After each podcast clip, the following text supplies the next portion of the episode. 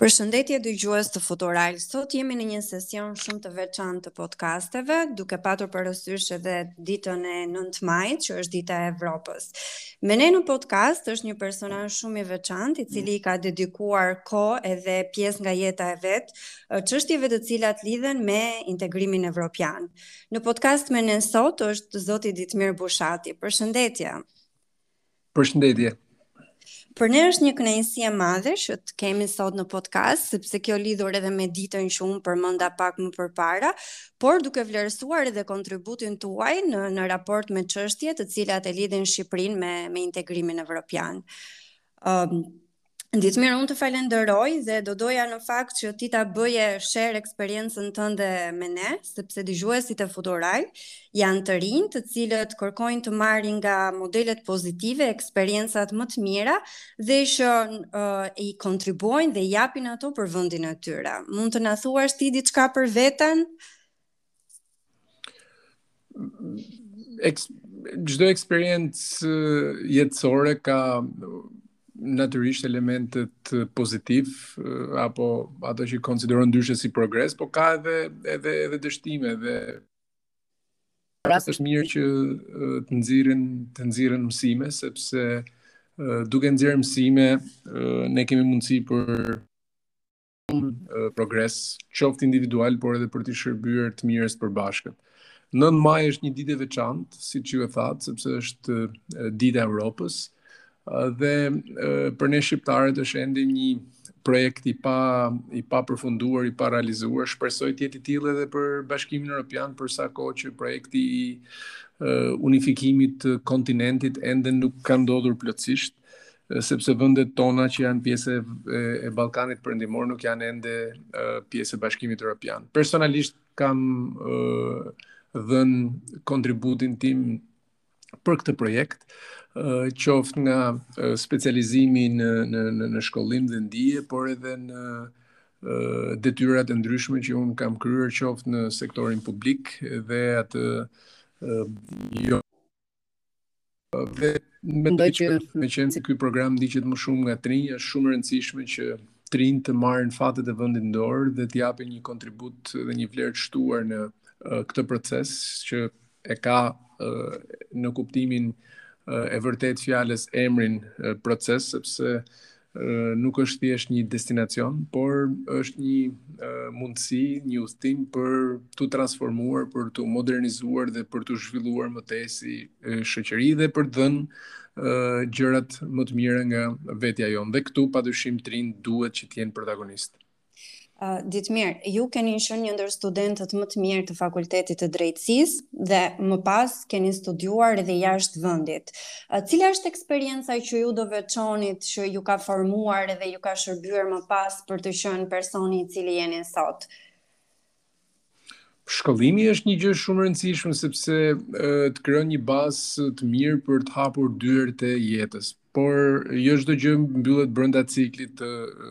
të, të shkollimit, sado uh, i një niveli të lartë që të jetë shkollimi. Pra është shumë e rëndësishme që dija që merret uh, të jetë e sistemuar në mënyrë të tillë që të krijojë një mundësi për zbatuar në në në, në praktikë. Uh, unë praktikisht e kam pasur qoftë shkollimin, qoftë edhe eksperiencën e punës deri më sot përgjithësisht lineare. Pra fushat e mia, disiplinat e mia kanë qenë kryesisht në të drejtën ndërkombëtare, në, në marrëdhënie ndërkombëtare, në drejtën europiane, në ato fusha ku uh, ka pasur edhe uh, një interes uh, të madh edhe të të Shqipërisë apo të të, të vendit tonë. Më pas nuk ka diskutim që shkollat apo kurset e ndryshme të specializimit nuk janë nuk janë të gjitha të të njëjtit nivel, nuk janë të gjitha të ngjashme. Niveli i konkurrencës nuk diskutohet, është i ndryshëm. por është shumë e rëndësishme që shkollimi të jetë i lidhur me nevojat e tregut, jo tregut në kuptimin privat fjalës, por me me nevojat e, e tregut punës, me nevojat që mund të ketë një shoqëri, siç është rasti i, i, i ynë, edhe mm. ku ti fare mirë mund të navigosh apo mund të penetrosh për të dhënë jo vetëm më të mirën tënde, për të bërë një karrierë të mirë, të qëndrueshme dhe pse jo për t'i shërbyer edhe vendit apo për të shërbyer të mirës publike. Ditmir, është e vështirë të merresh me çështje të cilat lidhen me integrimin europian. Pra, është është kjo një çështje që është e debatuar, është e diskutuar, le të flasim për të gjithë procesin, por në fund, domethënë, a ka vështirësi kur ti mendon edhe studion për këto çështje?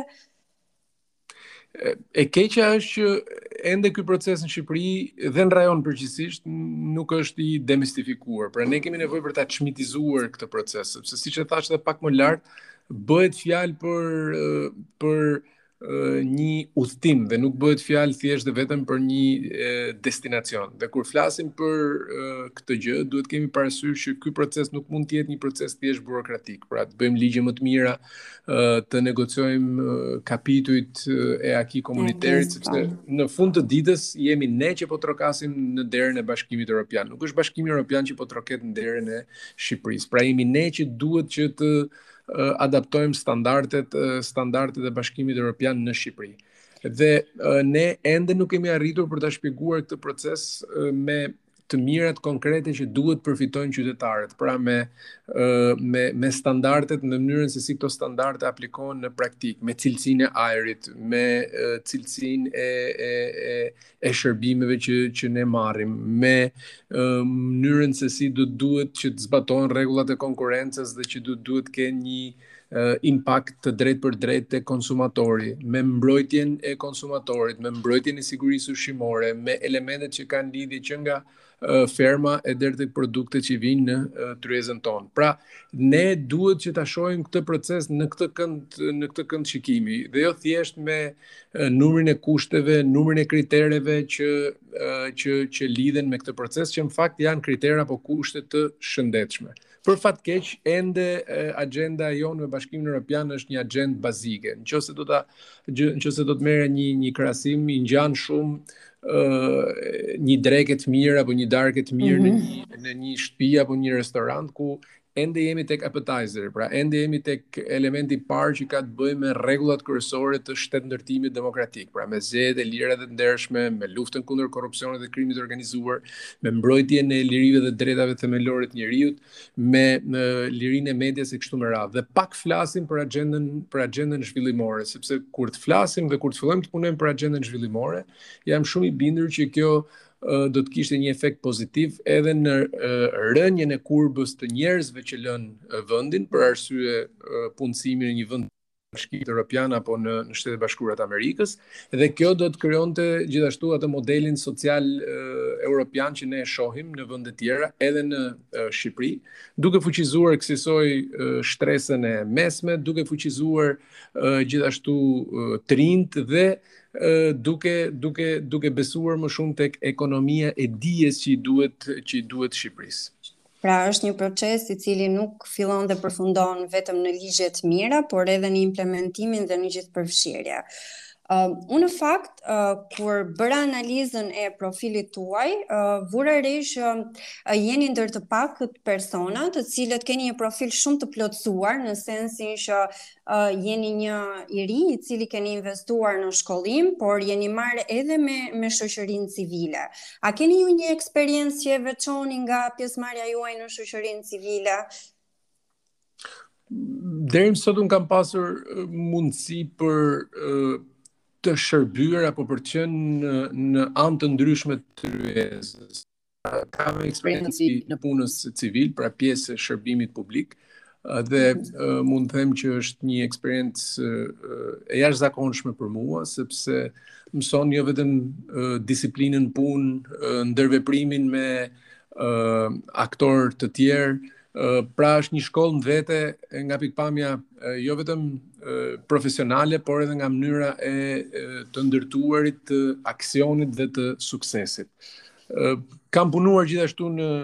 shoqërinë civile, që është ana tjetër e tryezës, pra mm -hmm. ku përgjithësisht jam marrë me projekte kërkimore dhe me avokim të çështjeve të caktuara që kanë lidhje kryesisht me integrimin me integrimin e Shqipërisë në Bashkimin Evropian, por jo vetëm. Dhe kujtoj këtu për shembull fushatën që kemi zhvilluar për proces lehtësimit të vizave fillimisht që i parapriu procesit të liberalizimit të vizave dhe besoj se në këtë në këtë fushatë shoqëria civile luajti një rol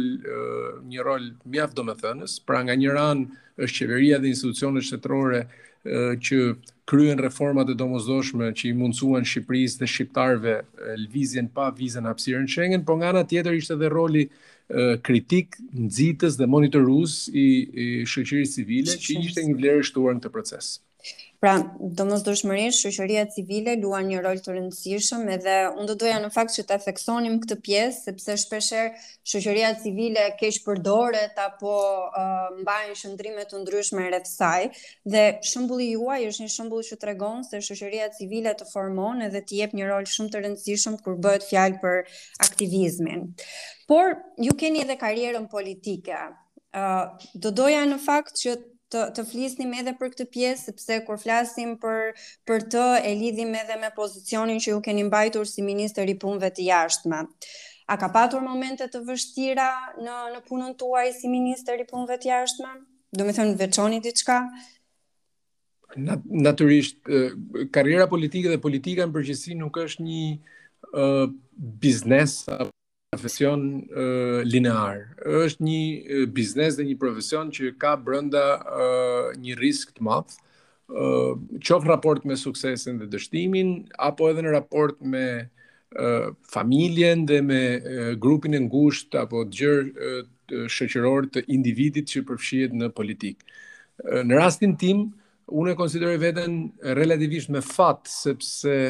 uh, unë jam futur në politikë apo kam debutuar në politikë pas uh, një eksperience uh, të cilën ne e përmendëm, qoftë në uh, sektorin publik ashtu edhe në shoqërinë civile. Pra kam e konsideroj veten njeri me një profesion që kam bërë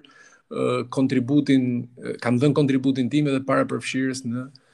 politikë. Dhe të gjithëve që aspirojnë pjesëmarrjen dhe aktivizmin në jetën publike,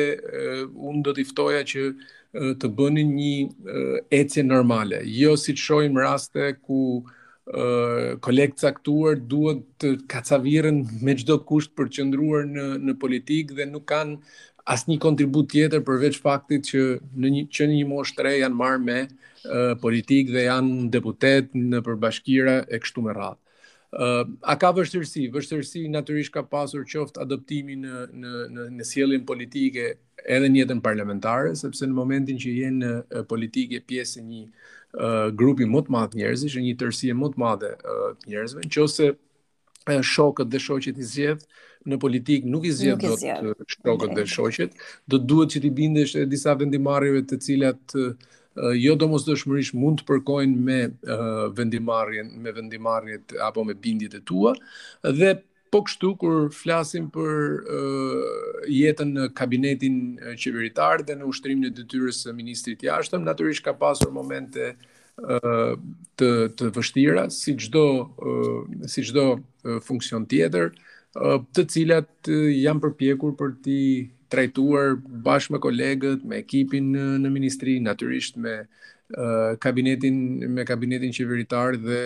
me miq të tjerë. Dua të them që sado e bukur të jetë një punë, uh, ajo nuk është dot aq e bukur në rast se nuk ka edhe përballjen me vështirësitë. E drejtë. A keni ju një moto që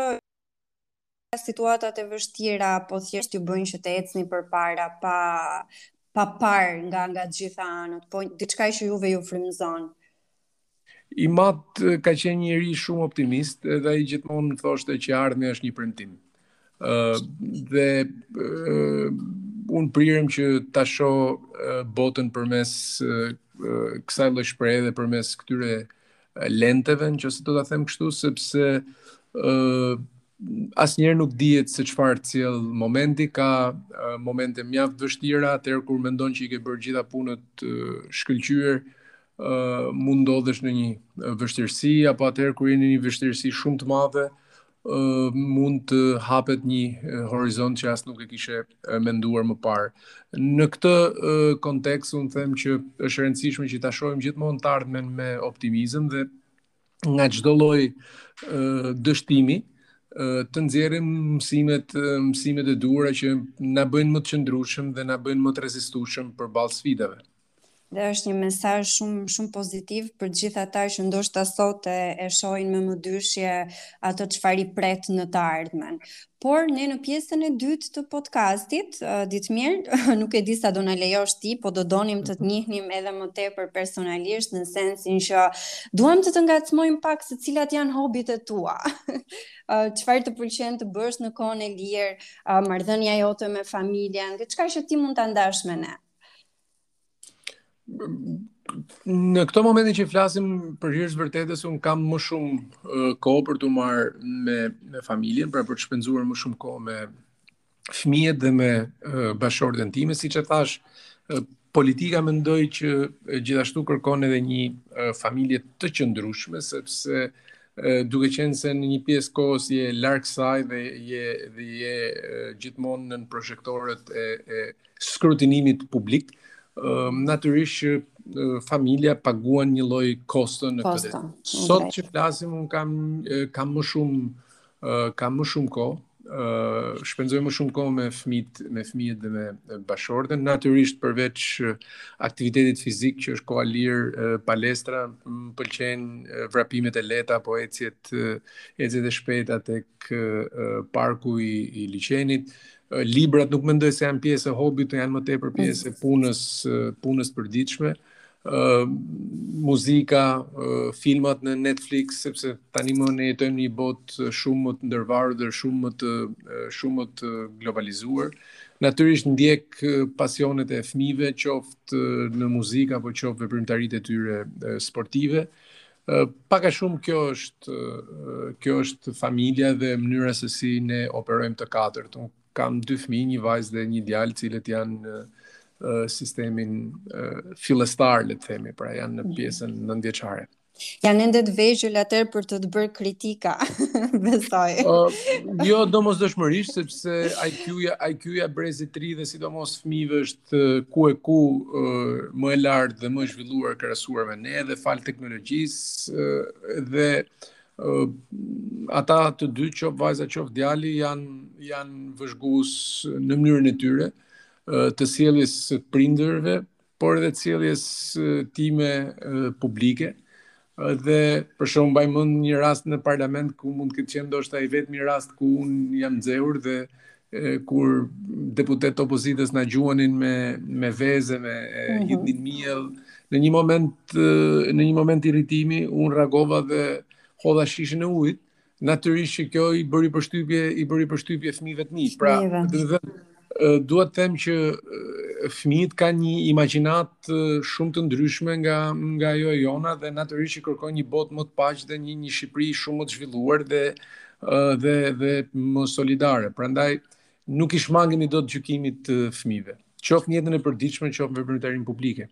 E drejtë, është shumë e drejtë. Ë, uh, megjithatë unë do doja duke qenë se jemi tek fëmijët, edhe tek të rinjtë, do doja që ti të ndaje me ne një mesazh për ta. Duke qenë se um, ky ky podcast ka ka një nisje, pra ditën e Evropës dhe gjithçka që ne duhet të bëjmë për të përmirësuar vendin tonë, por shpeshherë edhe veten, sepse ndryshimi fillon nga vetja. A ke ti një mesazh për të rinjtë? Unë natyrisht që uh, kam një mesazh për të rinjtë uh, dhe e e shoh veten nuk duhet të bëhem pesimist tani, po e shoh veten në mënyrë ë uh, paksa uh, kritike do të thoja apo qoftë melankolike, ne jemi një brez ku ë uh, ende nuk po e shohim dot frytet e e e, e Shqipërisë si një vend tipikisht europian, jo thjesht si vizion, si projekt dhe ide, po si realitet konkret. Dhe do të doja që të rinjtë të ishin realisht agjentët e ndryshimit. Pra, agjentët e ndryshimit që do të detyronin politikën që të ishte më e mirë, më e drejtë, që të ishte më afër halleve të njerëzve, Do të doja që të rinjtë, e di që është kollaj të thuhet, po është e vështirë që të zbatohet në, në, në, në realitet, ta shohin jetën e tyre të lidhur më shumë me Shqipërinë dhe të mhm. kishim më shumë kontribut të tyre në jetën publike, do të doja që të rinjtë të ishin gjithashtu më kërkues dhe më protestues ndaj, ndaj, ndaj, ndaj politikës në përgjithësi, ndaj padrejtësive në Shqipëri, dhe jo të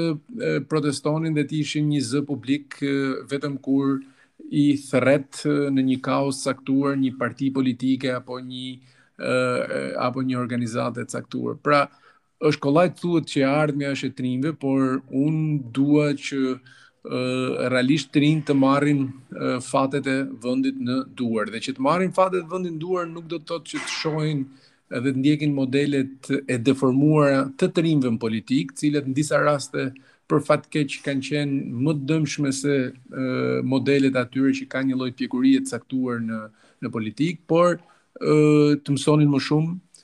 të ishin më konkurrues nëpër olimpiadat ndërkombëtare, të ishin më kërkues dhe më rezultativ për sa i përket projekteve të research-it, pra projekteve kërkimore, qoftë brenda suazës së Bashkimit Evropian, projekte të Bashkimit Evropian, por edhe në në rajon, të ishin më konkurrues në programet dhe projektet e mobilitetit. Pra, kjo do të bënte që secili prej tyre të jepte kontributin e duhur për për për atdheun tonë të përbashkët. Ditmir, unë të falenderoj shumë për uh, ndarjen e mesazheve shumë pozitive dhe ish uh, nga të, të thëna nga një model pozitiv uh, si si ju. Uh, unë do ta vlerësoja dhe besoj edhe dëgjuesit e Futural, të cilët ne e thamë që janë të rinjtë, do dinë ku të orientohen edhe si të kërkojnë gjëra të cilat i rritin ata, qoftë individualisht, por edhe në në raport me vendin e tyre. Unë të falenderoj edhe një herë dhe nëse nuk keni diçka për të shtuar, ë uh, do do doja ta ta mbyllnim këtu podcastin. Doja thjesht edhe unë të ju falenderoja, të shprehja mirënjohjen që më bëtë pjesë e kësaj bisede, e këtij podcasti dhe doja t'ju nxisja që ta vazhdonit këtë iniciativë me podcaste, sepse Njerëzit besoj në Shqipëri kanë nevojë që të dëgjojnë më shumë njëri-tjetrin, ne të gjithë kemi nevojë për ta dëgjuar njëri-tjetrin, ta respektojmë njëri-tjetrin edhe kur uh, nuk biem domosdoshmërisht dakord dhe uh, qoftë edhe përmes kësaj iniciative duhet të krijojmë